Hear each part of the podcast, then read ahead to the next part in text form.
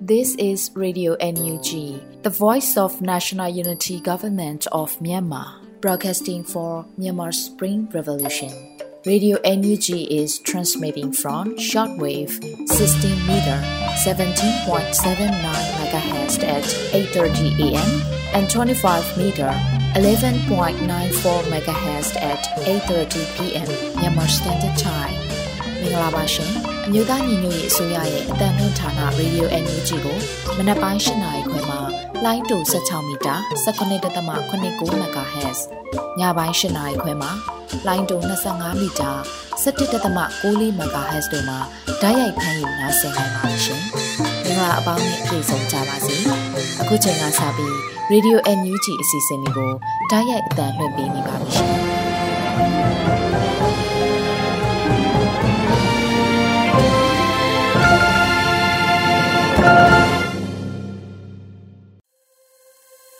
မြန်မာနိုင်ငံသူနိုင်ငံသားအပေါင်းတဘာဝပေးစစ်အာဏာရှင်ဘေးတို့ကနေကင်းဝေးပြီးဘေးကင်းလုံခြုံကျန်းမာကြပါစေလို့ရေဒီယို UNG အဖွဲ့သားများကဆုတောင်းမေတ္တာပို့သလိုက်ရပါတယ်ရှင်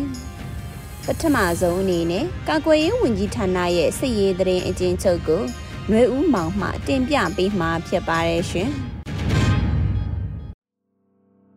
ယခုဆက်လက်ပြီးတင်ဆက်ပေးမှာကတော့ကာကွယ်ရေးဝန်ကြီးဌာန အမျိုးသားညီညွတ်ရေးအစိုးရမှထုတ်ဝေသောနိုင်စင်စီရေးတရင်အချင်းချုပ်ကိုတင်ဆက်ပေးပါမယ်။စစ်ကောင်စီတပ်သားကြဆုံ18ဦးစစ်ကောင်စီတပ်သားဒဏ်ရာရ22ဦး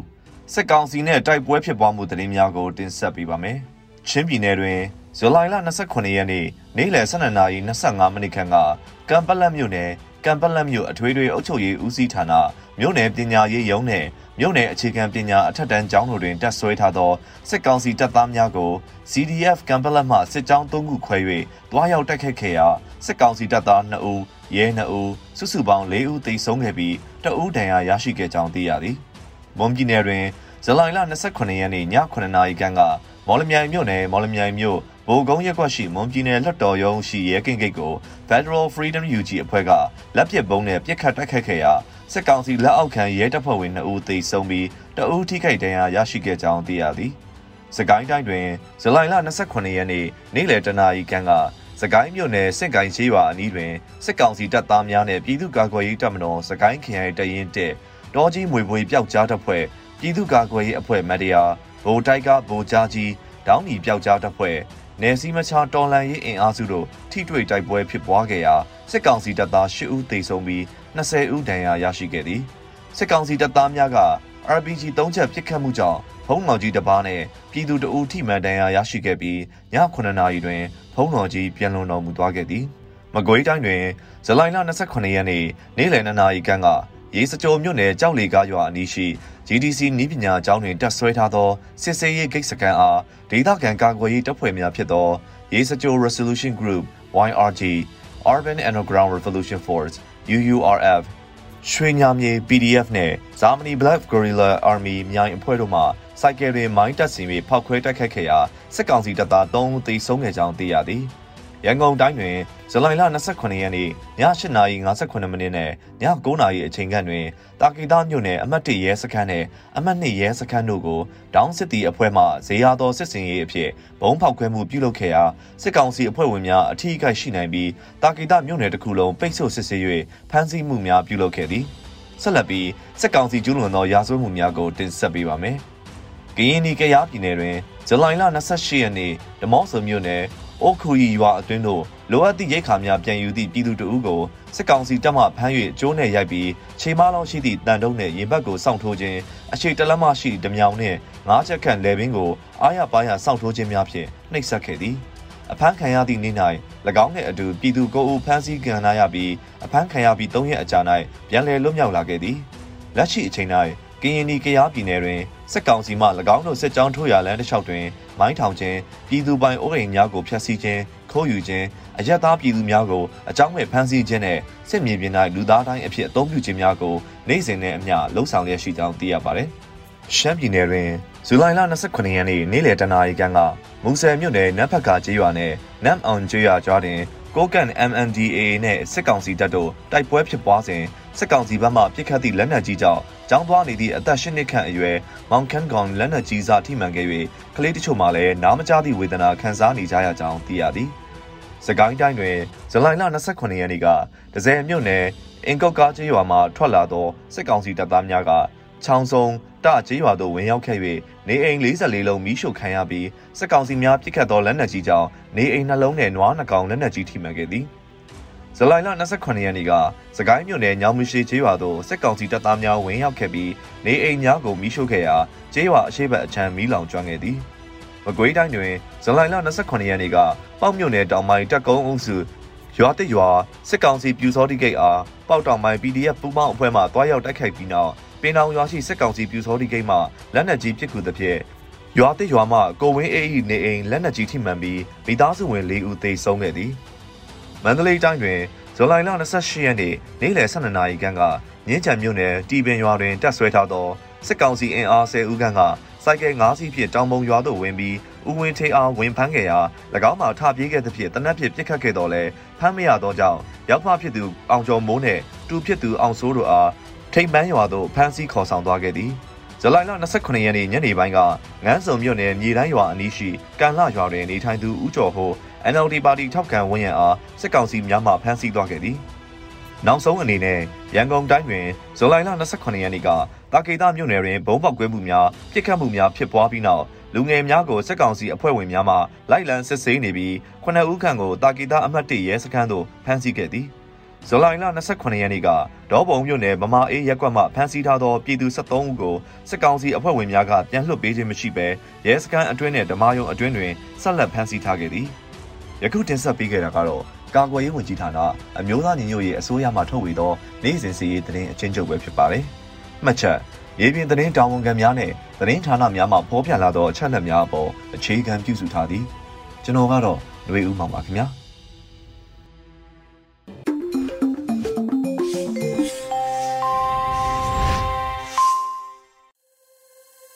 အခုဆက်လက်ပြီး Radio UNG ရဲ့နောက်ဆုံးရသတင်းများကိုຫນွေဦးမွန်မှဖက်ကြားတင်ပြပေးပါမယ်ရှင်။မင်္ဂလာပါရှင်ခုချိန်ကစပြီးတော့မနက်ပိုင်းပြည်တွင်းသတင်းတွေကိုတင်ဆက်ပေးသွားမှာဖြစ်ပါတယ်ခုတင်ဆက်မဲ့သတင်းတွေကိုတော့ Radio NUG သတင်းတာဝန်ခံတွေနဲ့ခိုင်လုံတဲ့မိဘသတင်းရင်းမြစ်တွေကအခြေခံတင်ပြထားတာဖြစ်ပါတယ်ကျွန်မကတော့ຫນွေဦးမွန်ပါနယူးဒေါ်လာရဲ့အချိန်ပြင်းစွာတောက်လောင်လာတော့မယ်လို့ နိုင်ငံတော်ယာယီသမရဒူဝါလက်ရှိလသတိပေးတဲ့သတင်းကိုဥစွာတင်ဆက်ပေးကြပါမယ်နယူးဒေါ်လာရဲ့အချိန်ပြင်းစွာတောက်လောင်လာတော့မယ်လို့နိုင်ငံတော်ယာယီသမရဒူဝါလက်ရှိလာကဇူလိုင်28ရက်မှာပြုလုပ်တဲ့ပြည်ထောင်စုသမရမြန်မာနိုင်ငံတော်မြို့သားညီညွတ်ရေးအစိုးရအရေးပေါ်နိုင်ငံတော်အခြေပြမိန့်ခွန်းပြောကြားရမှာထည့်သွင်းပြောကြားလိုက်တာပါစစ်ကောင်စီရဲ့ရက်ဆက်ရုံမှာတပ်ဖြတ်ခြင်းကြောင့်လူဒေါ်လင်းဟာကြောက်ရွံ့နောက်ဆုတ်သွားမှာမဟုတ်ပဲပုံမှုအရှိန်ပြင်းစွာတောက်လောင်လာတော့မှာဖြစ်ပါတယ်လို့ဆိုပါတယ် 2021ခုနှစ်စက်တင်ဘာ9ရက်နေ့မှာဆီယနာရှင်ကိုခုခံတွန်းလှန်မှုအမျိုးသားညီညွတ်ရေးအစိုးရဟာနိုင်ငံတော်ကိုအရေးပေါ်အခြေအနေကြေညာခဲ့ပြီးဖြစ်ပါတယ်။ဆက်လက်ပြီးမိမိတို့အနေနဲ့၎င်းတို့ချိန်ချမှုတွေကိုကောင်းငုံခန့်အရှုံးပေးမှာမဟုတ်ပဲမင်းအောင်လိုင်းနဲ့အကြမ်းဖက်ဆေးအုပ်စုကြာရှုံးရေးအတွက်ဆက်လက်တိုက်ပွဲဝင်သွားမည်ဖြစ်ကနိုင်ငံသူနိုင်ငံသားများအနေနဲ့လည်းလက်နေလျောက်မြင်ဆောင်မကျန်လူဒေါ်လေးမှာဆက်လက်ပါဝင်ကြဖို့လိုအပ်တယ်လို့လည်းရေးပေါ်နိုင်ငံတော်အခြေပြမင်းကွန်းပြောကြရမှာတမန်ထဲသွင်းပြောကြားခဲ့ပါတယ်။ မင်းအောင်လိုင်းနဲ့စစ်ကောင်းစီရှိနေတွေလူတံမို့လူအခွင့်အရေးများကိုပြောင်ပြောင်တင်းတင်းဆက်လက်ချိုးဖောက်နေမှာဖြစ်ကဒီမိုကရေစီစံနှုန်းနဲ့ငြိမ်းချမ်းသာရတဲ့နိုင်ငံတစ်ခုကိုတည်ထောင်နိုင်မှာမဟုတ်ကြောင်းထင်ရှားစွာပြသနေပါတယ်။တနည်းအားဖြင့်အာဏာရှင်ရှိနေသမျှအတိုင်းပြည်လုံခြုံရေးကိုစောင့်ထိန်နိုင်မှာမဟုတ်ကြောင်းထင်ရှားစွာပြသနေပါတယ်လို့ယာယီသမရကဆိုပါတယ်။ဒါအပြင်မင်းအောင်လှိုင်တဲ့စစ်ကောင်စီဟာကိုကျင်မီကိုဖြိုးစရာတော့ကိုလာမျိုးအောင်ကိုအောင်သူရစောတို့ကိုကွက်မြက်ခြင်းမပြုရန် နိုင်ငံတကာနဲ့အဖွဲ့အစည်းများပြောဆိုချက်ကိုကျူးမဆိုင်ပဲဒေတံချမှတ်ခဲ့ပြီးတော့လူငယ်တွေကိုအညို့အတေးကြီးစွာနဲ့တပ်ဖြတ်နေတယ်လို့ယာယီသမရဒူဝါလက်ရှိလာကထပ်လောင်းပြောကြားထားပါတယ်။စကောင်စီမှာကိုကျမီကိုဖြိုးစရာတော့ကိုလာမြုပ်အောင်ကိုအောင်သူရစောတို့လေးဦးကိုတေရန်ပေးကွက်မြတ်မှုအားဇူလိုင်25ရက်နေ့မှာထုတ်ပြန်ခဲ့ပါတယ်ရှင်။ပြည်သူ့အုပ်ချုပ်ရေးရန်ရာအားကောင်းခိုင်ပါပြီစစ်ကောင်စီရန်ရာများလုံးဝရပ်ဆိုင်းသွားရန်စူးစမ်းအားထုတ်ဖို့လိုတယ်လို့ ပြည်ထောင်စုဝန်ကြီးချုပ်မန်ဝင်းခိုင်တန်းပြောကြားတဲ့သတင်းကိုဆက်လက်တင်ဆက်ပေးပါမယ်။ပြည်သူ့အုပ်ချုပ်ရေးရန်ရာအားကောင်းခိုင်ပါပြီစစ်ကောင်စီရန်ရာများလုံးဝရပ်ဆိုင်းသွားစေရန်စူးစမ်းအားထုတ်ဖို့လိုတယ်လို့ပြည်ထောင်စုဝန်ကြီးချုပ်မန်ဝင်းခိုင်တန်းကဇူလိုင်28ရက်မှာကျင်းပတဲ့ဂျာကာလာဒေသနာပြည်သူ့အုပ်ချုပ်ရေးဖော်ဆောင်မှုဗဟိုကော်မတီအစည်းအဝေးအမှတ်စဉ်22မြင်းဆောင်2022မှာပြောကြားလိုက်ပါတယ်။မိမိတို့ကော်မတီရဲ့အဓိကလှုပ်ဆောင်ရမှာကတော့စစ်ကောင်စီအုပ်ချုပ်ရေးရန်ရာရပ်ဆိုင်သွားရန် လူမြောက်နယ်မြေစိုးမှုနယ်မြေများဖော်ဆောင်ပြီးပြည်သူ့အုပ်ချုပ်ရေးလုပ်ငန်းများအောင်မြင်အောင်ဆောင်ရွက်ရန်ဖြစ်ကြောင်းရှိပြီးသားထိန်းချုပ်နယ်မြေများတွင်ပြည်သူ့အုပ်ချုပ်ရေးရန်ရာအားကောင်းခိုင်းပါပြီးစစ်ကောင်စီရန်ရာများလုံးဝရပ်ဆိုင်သွားရန်ကြိုးစားအားထုတ်ဖို့လိုကြောင်းရခိုင်ကတက်နီနီကက်ကက်ပုံမလှုပ်ဆောင်ရန်လိုကြောင်းလုံခြုံရေးနှင့်ကာကွယ်ရေးအပိုင်းဟာအရေးကြီးဆုံးအခြေအနေရောက်လာခြင်းကြောင့်တာဝန်ရှိသူများအနေဖြင့်ရခိုင်ကတက်ပုံမစည်းလုံးချိတ်ဆက်ဆောင်ရွက်ကြရန်လိုကြောင်းဝန်ကြီးချုပ်ကဆိုပါရယ် တက်ရောက်လာကြသောဂျကာလဒေသန္တရပြည်သူ့အုပ်ချုပ်ရေးဖော်ဆောင်မှုဗဟိုကော်မတီအဖွဲ့ဝင်များမှ21မြင်းဆောင်2020တွင်ချမှတ်ထားသောဆုံးဖြတ်ချက်များရှေ့လုပ်ငန်းစဉ်များနဲ့ပတ်သက်ပြီးပြီးစီးမှုအခြေအနေများနဲ့ဆက်လက်ဆောင်ရွက်ရန်ကြံရှိတဲ့လုပ်ငန်းစဉ်တွေကိုချပြရှင်းလင်းပြီးထီရမုံငွေခွဲဝေချထားရေးနဲ့ပတ်သက်ပြီးတက်ရောက်လာသောတာဝန်ရှိသူများမှအကျယ်တွင်ဆွေးနွေးခဲ့ကြပါတယ်။အစည်းအဝေးသို့ဂျာကာလဒေသနာပြည်သူ့အုပ်ချုပ်ရေးဖော်ဆောင်မှုဘိုးကော်မတီဥက္ကဋ္ဌပြည်ထောင်စုဝန်ကြီးချုပ်မန်ဝင်းခိုင်တန်းနဲ့အတူဘိုးကော်မတီဒုတိယဥက္ကဋ္ဌတစ် ပြည်ထောင်စုနဲ့လူမှုကြီးကြပ်ရေးဝန်ကြီးဌာနပြည်ထောင်စုဝန်ကြီးဦးလင်ကိုလက်အပါအဝင်ဘိုးကော်မတီဖွဲ့ဝင်ပြည်ထောင်စုဝန်ကြီးများဒုတိယပြည်ထောင်စုဝန်ကြီးများအမြဲတမ်းအတွင်းဝင်များဌာနဆိုင်ရာများမှတာဝန်ရှိသူများတက်ရောက်ခဲ့ကြပါတယ်ရှင်။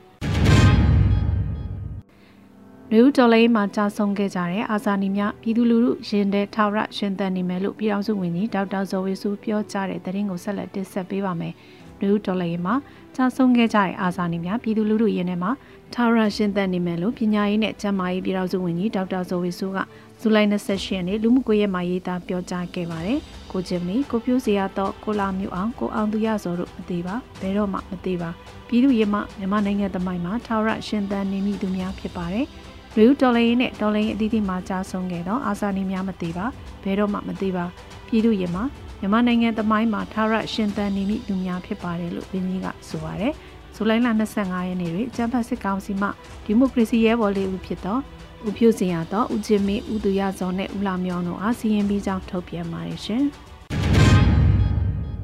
မြန်မာစစ်တပ်မှဒီမိုကရေစီလိုလားသူများအားတည်တဲ့စီရင်မှုကိုကန့်ကွက်ရှုံချတဲ့သတင်းစာရှင်းလင်းပွဲကိုရီးယားလွှတ်တော်အမတ်များအဖွဲ့မှတောင်ကိုရီးယားလွှတ်တော်တွင်ကျင်းပရှင်းလင်းတဲ့သတင်းကိုဆက်လက်တင်ဆက်ပေးပါမယ်။မြန်မာစစ်တပ်မှ ဒီမိုကရေစီလိုလားသူများအားတည်တဲ့စီရင်မှုကိုကန့်ကွက်ရှုံချတဲ့သတင်းစာရှင်းလင်းပွဲကိုကိုရီးယားလွှတ်တော်အမတ်များအဖွဲ့မှတောင်ကိုရီးယားလွှတ်တော်တွင်ကျင်းပရှင်းလင်းခဲ့တယ်လို့သိရပါတယ်။ဇူလိုင်28ရက်ကြာသပတေးနေ့ကိုရီးယားစံတော်ချိန်မနက်9:20မိနစ်20အချိန်မှာကိုရီးယားလွှတ်တော်တွင်းရှိသတင်းစာရှင်းလင်းပွဲခမ်းမဆောင်ပါမြန်မာဒီမိုကရေစီရေးကိုလိုလားပြီးမြန်မာနယူးဒေါ်လာရေးကိုအားပေးထောက်ခံသောကိုရီးယားလွှတ်တော်အမတ်များအဖွဲ့မှ Miss Yo Han In လွှတ်တော်အမတ်မှဦးဆောင်ကျင်းပခဲ့တာပါသတင်းစာရှင်းလင်းပွဲမှာ2022ခုနှစ်ဇူလိုင်လ25ရက်နေ့နံနက်ပိုင်းတွင်ဂျပန်အုပ်စု၏ဝါဒဖြန့်သတင်းစာမှ88မျိုးဆက်ကျောင်းသားကောင်ဆောင်ဦးကျော်မင်းယူခေါ်ဦးကျင်မီမြို့သားဒီမိုကရေစီအဖွဲ့ချုပ်အဖွဲ့ဝင်တအုပ်ဖြစ်ပြီးပြည်သူ့လွှတ်တော်ကိုယ်စားလှယ်တအုပ်ဖြစ်ခဲ့သည့်ဦးဖြိုးစရာတော်ဦးလာမျိုးအောင်နှင့်ဦးအောင်သူရဇော်တို့အားပြည်ထန်စီရင်ဆောင်ရွက်ပြီးဖြစ်သည်ဟုထုတ်ပြန်ကြေညာချက်အရမြန်မာစစ်တပ်၏ခွင့်မလွန်နိုင်သောဒေသန်စီရင်မှုကိုရှုံချပြီး ထို့သောကျူးလွန်မှုသည်မြန်မာစစ်တပ်အနေဖြင့်ကျင်းသေးပေါက်ပြန်လည်ပေးဆက်ရမယ်လို့ဆိုပါတယ်။ဒါအပြင်ထုတ်ပြန်ကြေညာချက်တစ်စောင်ကိုထုတ်ပြန်ချက်အရဒေသန်စီရင်ခဲ့သည့်မြန်မာစစ်တပ်အားပြင်းပြင်းထန်ထန်ရှုံချပြီးမြန်မာစစ်တပ်နှင့်အလုတ်လုတ်ကိုင်းနေသောတောင်ကိုရီးယားကုမ္ပဏီများကိုထပ်မံသတိပေးလိုက်တယ်လို့ဆိုပါတယ်။လက်ရှိအာဆီယံဥက္ကဋ္ဌဖြစ်တာဝန်ယူနေသည့်ကမ္ဘောဒီးယားအစိုးရပါဝင်အာဆီယံဖွဲ့ဝင်နိုင်ငံများကဆိုပါကွက်မြက်မှုကိုချက်ချင်းရေးယူတဲ့နယ်လို့လည်းဖော်ပြပါတယ်ရှင်။ တော်လန်ထောက်ဖို့တောင်ပိုင်းတို့လိုအမိပေးထားတဲ့အစီအစဉ်ကနေရရှိလာတဲ့ရမုံငွေတွေကိုပြည်ထရေးနဲ့လူမှုကြီးကြပ်ရေးဝန်ကြီးဌာနတို့ပေးအပ်လှူဒန်းသွားမယ်ဆိုတဲ့အကြောင်းအရာကိုဆက်လက်တင်ဆက်ပေးပါမယ်။တော်လန်ထောက်ဖို့တောင်ပိုင်းတို့အမိပေးထားတဲ့အစီအစဉ်ကနေရရှိလာတဲ့ရမုံငွေတွေကိုပြည်ထရေးနဲ့လူမှုကြီးကြပ်ရေးဝန်ကြီးဌာနတို့ပေးအပ်လှူဒန်းသွားမယ်လို့သတင်းရရှိပါတယ်။။ဩဂုတ်လ12ရက်နေ့ကျင်းပမယ့်ရမငွေရှာဖွေရေးနဲ့လူပညာတင်ဆက်မှုပွဲတော်ကိုခမ်းနားစွာစီစဉ်ကျင်းပသွားမယ်လို့သတင်းရရှိပါတယ်။ ဒေါ်လန်ထောက်ဖို့တောင်းပိုင်းတို့ဒေါ်လာရေးရမငွေရှာဖွေရေးကန်ဆယ်မဲ့ဖွင့်ပွဲအခမ်းအနားအားရွှေဝါရောက်အရှင်သာဝရနော်ဝေမြို့သားညီညွတ်ရေးအစိုးရပြည်ထောင်ရေးနှင့်လူမှုကြီးကြပ်ရေးဝန်ကြီးဌာနပြည်ထောင်စုဝန်ကြီးဦးလွင်ကိုလက်မြို့သားညီညွတ်ရေးအစိုးရကျန်းမာရေးဝန်ကြီးဌာနနဲ့ပညာရေးဝန်ကြီးဌာနပြည်ထောင်စုဝန်ကြီးဒေါက်တာဇော်ဝေဆိုမြို့သားညီညွတ်ရေးအစိုးရပြည်ပြည်ဆိုင်ရာပူးပေါင်းဆောင်ရွက်ရေးဝန်ကြီးဌာနပြည်ထောင်စုဝန်ကြီးဒေါက်တာဆဆာမြို့သားညီညွတ်ရေးအစိုးရ၏ကုလသမဂ္ဂဆိုင်ရာမြန်မာအမြဲတမ်းကိုယ်စားလှယ်တမ်မတ်ကြီးဦးကျော်မိုးထွန်း လူပညာရှင်များတက်ပညာရှင်များလည်းတက်ရောက်မှာဖြစ်ပါတယ်။အခမ်းအနားမှာကန်ဆယ်မဲရမုံငွေမှတဆင့်ငွေကြေးတန်မိုးအပြင်တန်မိုးရှိတဲ့လက်ဆောင်များလူပညာရှင်များရဲ့အမှတ်တရတန်မိုးထားရမည့်ဆုလက်ဆောင်များကိုကန်တူးရှင်များရွေးချယ်ပြီးပေးအပ်သွားမှာဖြစ်ပါတယ်။ကန်ဆယ်မဲလက်မှတ်တစ်စောင်ကိုထိုင်းဘတ်ငွေ199ဘတ်ဖြင့်ကန်ဆယ်နိုင်ဖို့အစီအစဉ်ထားရှိမှာမို့ဒေါ်လန်ထောက်ဖို့တောင်းပိုင်းသို့ Facebook Page မှာဝယ်ယူနိုင်မှာဖြစ်ပါတယ်ရှင်။ ဒေါ်လန်ဒီပါဝလီအထိတ်မှန်နေဖြင့်ဒေါ်လာရမငွေရှာဖွေရေးကန်ဆယ်မဲ့လက်မှတ်များရောင်းချရမှုမှရရှိလာတဲ့ငွေများကို NUG မှတဆင့်စစ်ဘေးရှောင်ဒုက္ခသည်များအားစုပေါင်းထောက်ပံ့ကူညီလှူဒါန်းသွားမယ်ဆိုတဲ့သတင်းကိုတင်ဆက်ပေးပါဦးမယ်။ဒေါ်လန်ဒီပါဝလီအထိတ်မှန်နေဖြင့်ဒေါ်လာရမငွေရှာဖွေရေးကန်ဆယ်မဲ့လက်မှတ်များရောင်းချရမှုမှရရှိလာတဲ့ငွေတွေကို NUG မှတဆင့်စစ်ဘေးရှောင်ဒုက္ခသည်များအားစုပေါင်းထောက်ပံ့ကူညီလှူဒါန်းသွားမယ်လို့သတင်းရရှိပါရယ်။ဒေါ်လာကာလာတွင်ကြာရောက်မည်ဒီပါဝလီပွဲတော်ကို မြန်မာဟိန္ဒူအစည်းအရုံးမြန်မာဟိန္ဒူယူနီယံမှာစူပေါင်းစူတောင်းအာနာရှင်ဒေါ်လာရင်ဒေါ်လာဒီပါဝလီပွဲတော်အားအော်တိုဘာလမှာကျင်းပမှာဖြစ်ပါတယ်။ဒေါ်လာဒီပါဝလီအထိတ်မှန်နေဖြင့်ဒေါ်လာရဲ့မငွေရှာဖွေရေးကန်ဆယ်မဲလက်မှတ်များကိုလည်းရောင်းချပေးမှာဖြစ်ပြီးတော့ကန်ဆယ်မဲရောင်းချပြီးရရှိတဲ့အလူငွေအလုံးကိုမြို့သားညီညွတ်ရေးအစိုးရ NUG မှတဆင့်ကျန်းမာရေးပညာရေးမြို့သမီးနဲ့ကလေးသင်ငယ်စောင့်ရှောက်ရေးစေဘေးရှောင်ဒုက္ခသည်များအားစူပေါင်းထောက်ပံ့ကူညီလှူဒါန်းသွားမှာဖြစ်ပါတယ်။ ကမ္ဘာတဝန်းနိုင်ငံပေါင်းစုံလူမျိုးဘာသာပေါင်းစုံစုပေါင်းစုတောင်းရင်ဒေါ်လန်ဒီပါဝလီတွင်ပူပေါင်းပါဝင်၍ကန်ဆယ်မယ်များဝယ်ယူအားပေးကြရန်နှိုးဆော်ထားပါတယ်။စုပေါင်းစုတောင်းဒီပါဝလီနေ့အခမ်းအနားကိုအောက်တိုဘာ23ရက်မြန်မာစံတော်ချိန်ည9:00နာရီမှ9:00နာရီထိ Virtual Online မှာကျင်းပမှာဖြစ်ပါတယ်ရှင်။ဒေါ်လာရဲ့အတွက်လုပ်နေတာငါတို့တရဏဂုံမတင်နိုင်မှုဘန်နာကိုကန်ဆွဲကရန်ကုန်မြို့မှာဆီယနာရှင်စက်ကြီးရဲ့ဆန္ဒပြတဲ့တရင်ကိုဆက်လက်တင်ဆက်ပေးပါမယ်။ဒေါ်လာရေးအတွက်လုပ်နေတာငါတို့တရဏဂုံမတင်နိုင်ဘူး ဘန်နာကိုကင်ဆွဲပြီးတော့ရန်ကုန်မြို့မှာဆီယနာရှင်စန့်ကျင်ရေးဆန္ဒပြခဲ့ပါတယ်ဇူလိုင်28ရက်ရန်ကုန်မြို့ရဲ့တနေရာမှာလူငယ်များဦးဆောင်ကျင်းပခဲ့ပါတယ်စကောင်စီကတေတန်စီရင်ခဲ့တဲ့88ကျောင်းသားကောင်းဆောင်တဦးဖြစ်တဲ့ကိုဂျင်မီရဲ့တော်လှန်ရေးအတွက်လုပ်နေတာငါတို့တရဏဂုံမတင်နိုင်ဘူးဆိုတဲ့စစ်ကောင်စီကိုအပြတ်သားဆုံးရင်ဆိုင်ပြခဲ့တဲ့တော်လှန်ရေးစာသားပါဘန်နာကိုကင်ဆွဲပြီးဆီယနာရှင်စန့်ကျင်ရေးရန်ကုန်မြို့ကတနေရာမှာဆန္ဒပြခဲ့ကြတာဖြစ်ပါတယ်။ လုံခြုံရေးတင်းကျပ်နေတဲ့ကြားမှာရန်ကုန်မြို့တနေရာမှာဆီယနာရှင်စက်ကြီးရဲ့ရန်ကုန်အင်အားစုမှဆီယနာရှင်ရဲ့မတရားကြိုးမိန်ဖြင့်လှုပ်ကြံခံခဲ့ရတော့ဦးကျင်မီကိုစရာတော်တို့ပါဝင်ထောင်တွင်ကျန်းဖတ်ခံရတဲ့နိုင်ငံရေးအကျဉ်းသားများအတွက်ကျန်းဖတ်စစ်ကောင်စီကိုဆန္ဒထုတ်ဖော်ခဲ့ကြပြီးအောင်မြင်စွာပြီးဆုံးခဲ့တယ်လို့သိရပါတယ်ရှင်။နယ်မြေထိန်ချုပ်နိုင်ရင်နယ်မြေစုမှုနိုင်ရင် People's Defense ဖို့ကလေးခိုင်တရင်ကိုကလေးဝကင်းလဲဆောင်ရွက်တဲ့တရင်ကိုဆက်လက်တင်ဆက်ပေးပါမယ်။ နယ်မြေထိန်ချုပ်နိုင်ရင်နယ်မြေစိုးမိုးနိုင်ရင် People's Defense ဖို့ကလေးခရိုင်တပ်ရင်ကိုကလေးဝါမှာနယ်မြေစိုးမိုးရေးအတွက်ရဲဘော်များကင်းလှည့်ခဲ့ကြောင်းဇူလိုင်28ရက်မှာထုတ်ပြန်ပါတယ်။ People's Defense ဖို့ကလေးခရိုင်တပ်ရင်ကိုကလေးဝါအနေဖြင့်နယ်မြေထိန်ချုပ်နိုင်ရင်နယ်မြေစိုးမိုးနိုင်ရင်ဆောင်ရွက်ခဲ့ကြတယ်လို့ဆိုပါတယ်။ People's Defense ဖို့ကလေးခရိုင်တပ်ရင်ကိုကလေးဝါဟာဆီယနာရှင်စနစ်ကိုခုခံတွန်းလှန်နေတဲ့အဖွဲ့လည်းဖြစ်ပါတယ်ရှင်။ တစ်ပုတ်တိုက်ပွဲတွင်ဂျမ်ဖတ်စစ်ကောင်စီဘက်မှအရာရှိတအုပ်ပါဝင်တပ်ဖွဲ့ဝင်၄ဦးသေဆုံးပြီးလက်နက်ခဲရဲ့အချို့သိမ်းဆည်းရမိတဲ့တရင်ကိုလည်းတင်ဆက်ပေးပါဦးမယ်။ပေါင်းတယ်မျိုးနဲ့တစ်ပုတ်ကျေးရွာအုပ်စုတစ်ပုတ်တိုက်ပွဲမှာဂျမ်ဖတ်စစ်ကောင်စီဘက်မှရရှိတအုပ်ပါဝင်တပ်ဖွဲ့ဝင်၄ဦးသေဆုံးပြီးလက်နက်ခဲရဲ့အချို့သိမ်းဆည်းရမိခဲ့ပါတယ်။ဇူလိုင်28ရက်မွန်းလွဲပိုင်းမှာတစ်ပုတ်ကျေးရွာ၌တာဝါရင်စောင့်နေသောဂျမ်ဖတ်စစ်ကောင်စီတပ်သားများနဲ့ပေါင်းတယ်မျိုးနဲ့ပြည်သူ့ကာကွယ်ရေးတပ်ဖွဲ့တို့ထိတွေ့ပစ်ခတ်ခဲ့ကြပါတယ်။ ဇူလိုင်28ရက်ပေါင်းတယ်မျိုးနဲ့တစ်ပုတ်ကျေးရွာအုပ်စုတစ်ပုတ်ကျေးရွာ၌တာဝါရင်စောင့်နေသောအကြမ်းဖက်စစ်ကောင်စီတပ်သားများနှင့်ပေါင်းနယ်မျိုးနဲ့ပြည်သူ့ကာကွယ်ရေးတပ်ဖွဲ့တရင်3631တပ်ခွဲ1နှင့်တရင်3632နှင့်တပ်ခွဲနှင့်ဒုတပ်ခွဲမှုတို့ဦးဆောင်သောပူးပေါင်းတပ်ဖွဲ့များဟာဇူလိုင်28ရက်နေ့နေ့လယ်တနာရီခွဲအချိန်တွင်ထိတွေ့တိုက်ပွဲဖြစ်ပွားခဲ့တယ်လို့ဆိုပါတယ်။တိုက်ပွဲမှာကျမ်းပတ်စစ်ကောင်စီတပ်ဖွဲ့ဝင်အရာရှိတအုပ်တက်ကြကြီးတအုပ်ပါဝင်အခြားအဆင့်2ဦးစုစုပေါင်း4ဦးသေဆုံးခဲ့ပါတယ်။၎င်းတိုက်ပွဲအတွင်း MA3 တလက် ပစ္စတိုတလက်စကားပြောဆက်တလုံးဖုန်းလေးလုံးနဲ့မှတ်ပုံတင်တစ်ခုသိမ်းဆည်းရမိခဲ့ပါတယ်။ပြည်သူ့ကာကွယ်ရေးတပ်ဖွဲ့မှတပ်ဖွဲ့ဝင်များသည့်အထိခိုက်မရှိဘဲအောင်မြင်စွာဆုတ်ခွာနိုင်ခဲ့တယ်လို့သိရပါတယ်ရှင်။မကွေးတိုင်းဒေသကြီးပေါ့မြို့နယ်ကြားပစ်ကန်ကျွာကိုကျန်းဖက်စစ်တပ်နဲ့ပြူစောထီးများမှလက်နက်ကြီးဖြင့်ပစ်ခတ်ခဲ့တာကြောင့်ကစားနေတဲ့အသက်လေးနှစ်ခွဲရွယ်မတ်သိမ့်သိမ့်ဖြူလက်နက်ကြီးကြီးထိမှန်ပြီးနေရာမှာပင်သေဆုံးတဲ့တဲ့ရင်ကိုလည်းတင်ဆက်ပေးပါဦးမယ်။မကွေးတိုင်းဒေသကြီး ပေါမြို့နဲ့ကြားပစ်ကန်ကြီးရွာကိုချမ်ပတ်စစ်တပ်နဲ့ပြူစောထီးများမှလက်နက်ကြီးနဲ့ပစ်ခတ်ခဲ့တာကြောင့်ကစားနေတဲ့အသက်လေးနှစ်ခွဲအရွယ်မသိမ့်သိမ့်ဖြူလက်နက်ကြီးကြီးထိမှန်ပြီးနေရာမှာပင်သေဆုံးခဲ့ပါတယ်။ဇူလိုင်29ရက်နေ့နနက်၈နာရီအချိန်ကမှမကွေးတိုင်းဒေသကြီးပေါမြို့နဲ့ကြားပစ်ကန်ကြီးရွာကိုချမ်ပတ်စစ်တပ်များနဲ့ပြူစောထီးတွေကလက်နက်ကြီးနဲ့ပစ်ခတ်ခဲ့တာတွေကြောင့်ရွာအတွင်းရှိအိမ်ချမ်းဝင်းအတွင်း၌စော်ကစားနေတဲ့အသက်လေးနှစ်ခွဲအရွယ်မသိမ့်သိမ့်ဖြူဟာ လက်နက်ကြီးကြီးထိမှန်ပြီးနေရာမှာပဲတေဆုံးသွားခဲ့တယ်လို့ AABB ကဖော်ပြပါဗျ။ဖေဖော်ဝါရီ၁ရက်နေ့မတရားဆရာနာလူမှုဖြစ်စဉ်ကိုစန့်ကျင်ခဲ့ကြတော့ဒီမိုကရေစီလှုပ်ရှားသူများနဲ့ပြည်သူများရဲ့နယူးဒေါ်လိန်ကာလအတွင်းကြာဆုံးခဲ့ရသူစုစုပေါင်းမှာ2133ဦးရှိခဲ့ပြီဖြစ်ပါတယ်။စစ်ကောင်စီတပ်များဟာနေမြို့များမှာရက်သားနေရာများကိုလက်နက်ကြီးလက်နက်ငယ်များနဲ့အဓိကပြစ်မှတ်ထားတိုက်ခိုက်လျက်ရှိပါတယ်ရှင်။ခုတင်ပြခဲ့တဲ့သတင်းတွေကိုတော့ Radio NUG သတင်းတောက်မင်းမင်းကပေးပို့တာဖြစ်ပါတယ်။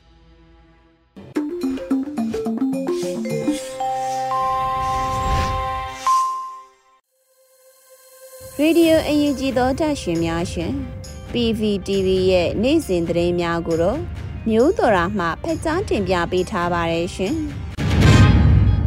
ပထမဆုံးတင်ဆက်ပေးမှာကတော့နိုင်ငံတကာပါလီမန်များအဖွဲ့ IPU နဲ့ပြည်ထောင်စုလွှတ်တော်ကိုစားပြုကော်မတီ CRPH တို့တွဲဆုံဆွေးနွေးခဲ့ကြတယ်ဆိုတဲ့သတင်းမှာ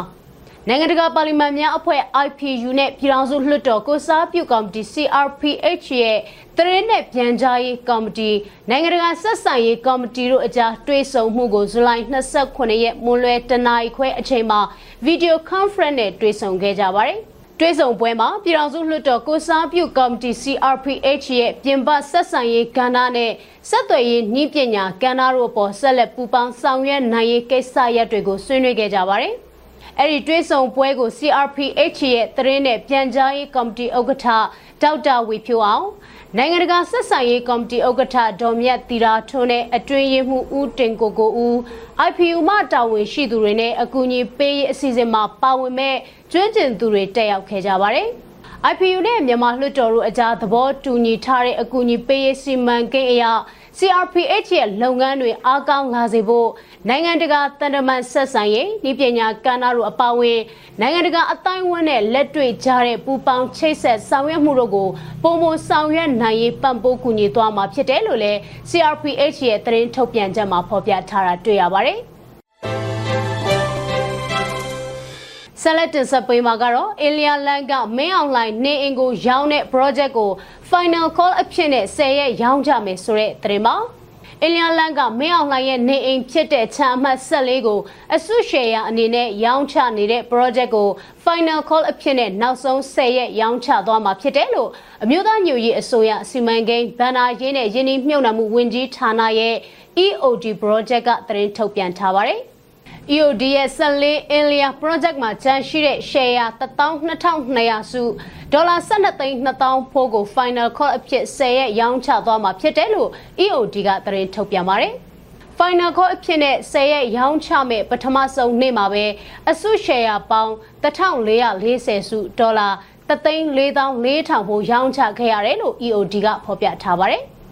အကြမ်းဖက်ဆက်ကောင်စီကကိုကျော်မင်းယူကိုဖြိုးစေရသော ကိုလှမျိုးအောင်နဲ့ကိုအောင်သူရဇော်တို့အပေါ်မတရားတဲ့ပြစ်ဒဏ်ကိုစီရင်မှုအပြီးမှာပြည်သူတွေကမတရားမှုကိုလက်မခံတာနဲ့အတူငွေတိုက်စာချုပ်တွေ EOD share တွေဝယ်ယူပြီးဒေါ်လာရေးအတွက်အင်အားဖြည့်တင်းမှုတွေတောက်လျှောက်ပြုလုပ်နေပါတယ်။စီမံကိန်းဗဏ္ဍာရေးနဲ့ယင်းနှမြုံနှံမှုဝင်ကြီးဌာနကတော့ အာနာရှင်အစုံသက်ရေးအတွက်မစုံမနစ်ပါဝင်နေကြတဲ့အစုရှယ်ယာဝယ်ယူသူတွေ EOD ကိုယ်စားလှယ်တွေကိုဂုံပြုဥညွတ်တယ်လို့ပြောထားသလိုတော်လိုင်းရေးအမြန်ဆုံးအောင်မြင်ဖို့ထိရောက်စွာနဲ့အသုံးပြုသွားဖို့လည်းကတိပြုထားတာတွေ့ရပါတယ်။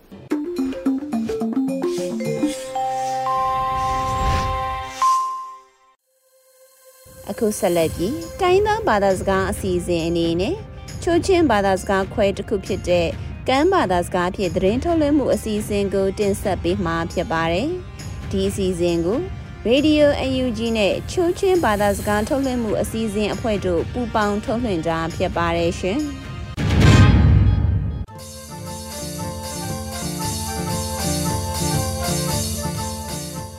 NUG ครกางเรดิโอนำงายาปงเอน้อยไปเกยนาปุยปอสักครั้งตัวนำวันนำไรเบลตีละอลัมมาซึกละนำกดกันตูกุกเกยคาทุทางการแทนอวยกุยเคสาละกะกะกืออลัมมาซึกออยทางกุมทองนี่กุมทองกุมนี่ไปสักคราทองเทรีเหนือปะอูจิมีอูพิวเสียต่ออูองดูราซอออนอูทามิวองมีตูขาอัถอยนาเอออมเตอปึงรายกับเทตเวนทองอิ่มคุยละออรุยออนซีนาเกนอนอัมเปกเฮเยผู้ตุกนากลาตุกอานากัมตุนคือตีละ CTF กัมเปลเตนเตคือกัมเปลตขปุยคุยาตุกอานาพุกทุมละกัมไปกรูเอ็นกรองอิมรอยออนสุกิตุเออัมอีเมยพุงสร้างอุปงเอรายกับเทตู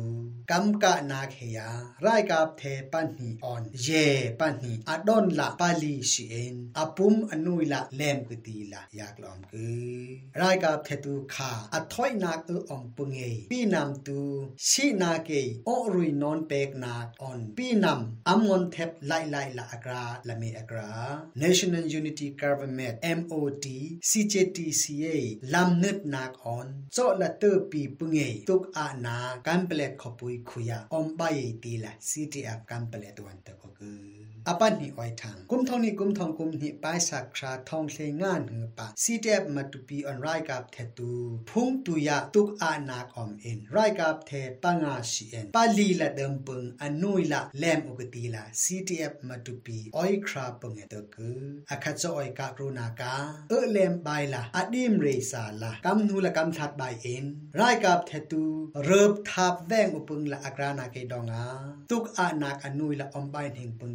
CTF มาตุปีอ้อยคราปงเตกื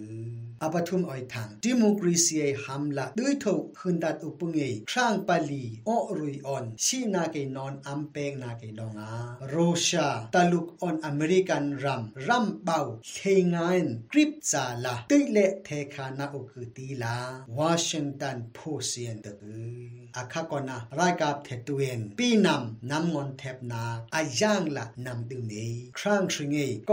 อนนอนมุยละนำอเมตีลาไรกับเทตุตีนาอุกือโอรุยออนชีนาเกนอนนำเปคาเอนำบีเอตีลาอาเซียนรัมอวานินอัตตึกเอง่ายกรึงล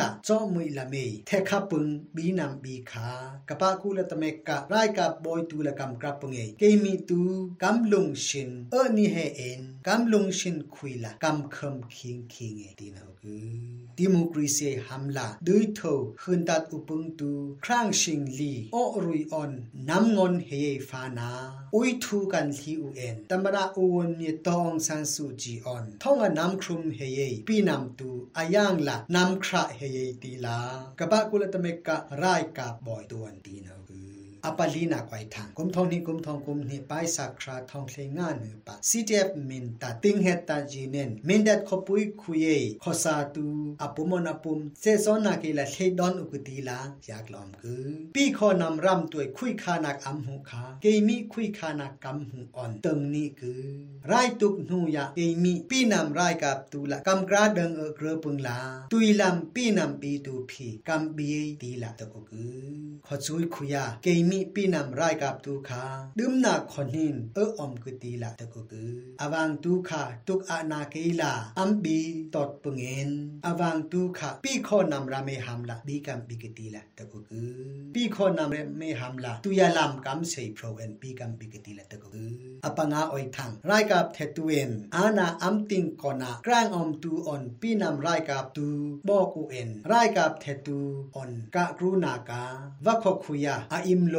รอกชุดเอ็นดองดังอุปงตูติดตัตมะเนตันลอกเคินกตีลากะปะกุลตเมกะครั้งเรียนงายอุปง UNO ชาตวนไปสักคราเทรีนือปะตะกกือจอยคราคุยากลางอมออนรายกับเทตูกะกรูนาเกดองอาเซจอนอมอินาตูคุยคกตีอยากลอมคือ PNI Myanmar Peace Monitor เรนงายนักออน คุยคานาเกซับูอัมปีนากากุมทองนี่กุมทองกุมนี่คอยคราทุ่มกิิบเนืบศิลาขปุยอเพอเพอรายกับเทตูออนอัมกากรูนาคา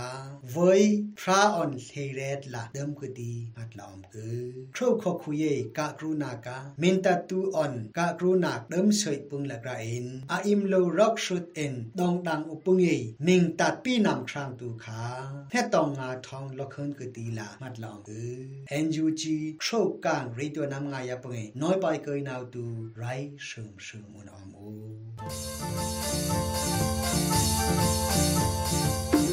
ဒီကနေ့ကတော့ဒီညနဲ့ပဲ Radio NUG ရဲ့အစီအစဉ်လေးကိုခਿੱတရနာလိုက်ပါမယ်ရှင်။မြန်မာစံတော်ချိန်မနက်၈နာရီခွဲနဲ့ည၈နာရီခွဲအချိန်တွေမှာပြန်လည်ဆုံတွေ့ကြပါစို့။ Radio NUG ကိုမနက်ပိုင်း၈နာရီခွဲမှာလိုင်းတူ16မီတာ19.89 MHz ညပိုင်း၈နာရီခွဲမှာလိုင်းတူ25မီတာ17.6 MHz တို့မှာဓာတ်ရိုက်ဖမ်း လို့နိုင်စေနိုင်ပါပြီ။မြန်မာနိုင်ငံသူနိုင်ငံသားတွေကိုစိတ်နှပြကျန်းမာချမ်းသာလို့ဘေးကင်းလုံခြုံကြပါစေလို့ Radio NUG အဖွဲ့သူဖွဲ့သားတွေကဆုတောင်းမြတ်တာပို့တာလိုက်ရပါတယ်ရှင်။မြေသားညီမတွေအစိုးရရဲ့စက်သွေးရေးသတင်းအချက်အလက်တွေမျိုးပညာဝန်ကြီးဌာနကထုတ်လွှင့်နေတဲ့ Radio NUG ဖြစ်ပါတယ်။ San Francisco Bay Area အခြေစိုက်မြန်မာမိသားစုတွေနဲ့နိုင်ငံတကာကစေတနာရှင်လို့အားပေးနေတဲ့ Radio NUG ဖြစ်ပါတယ်။အရေးတော်ပုံအောင်ရမည်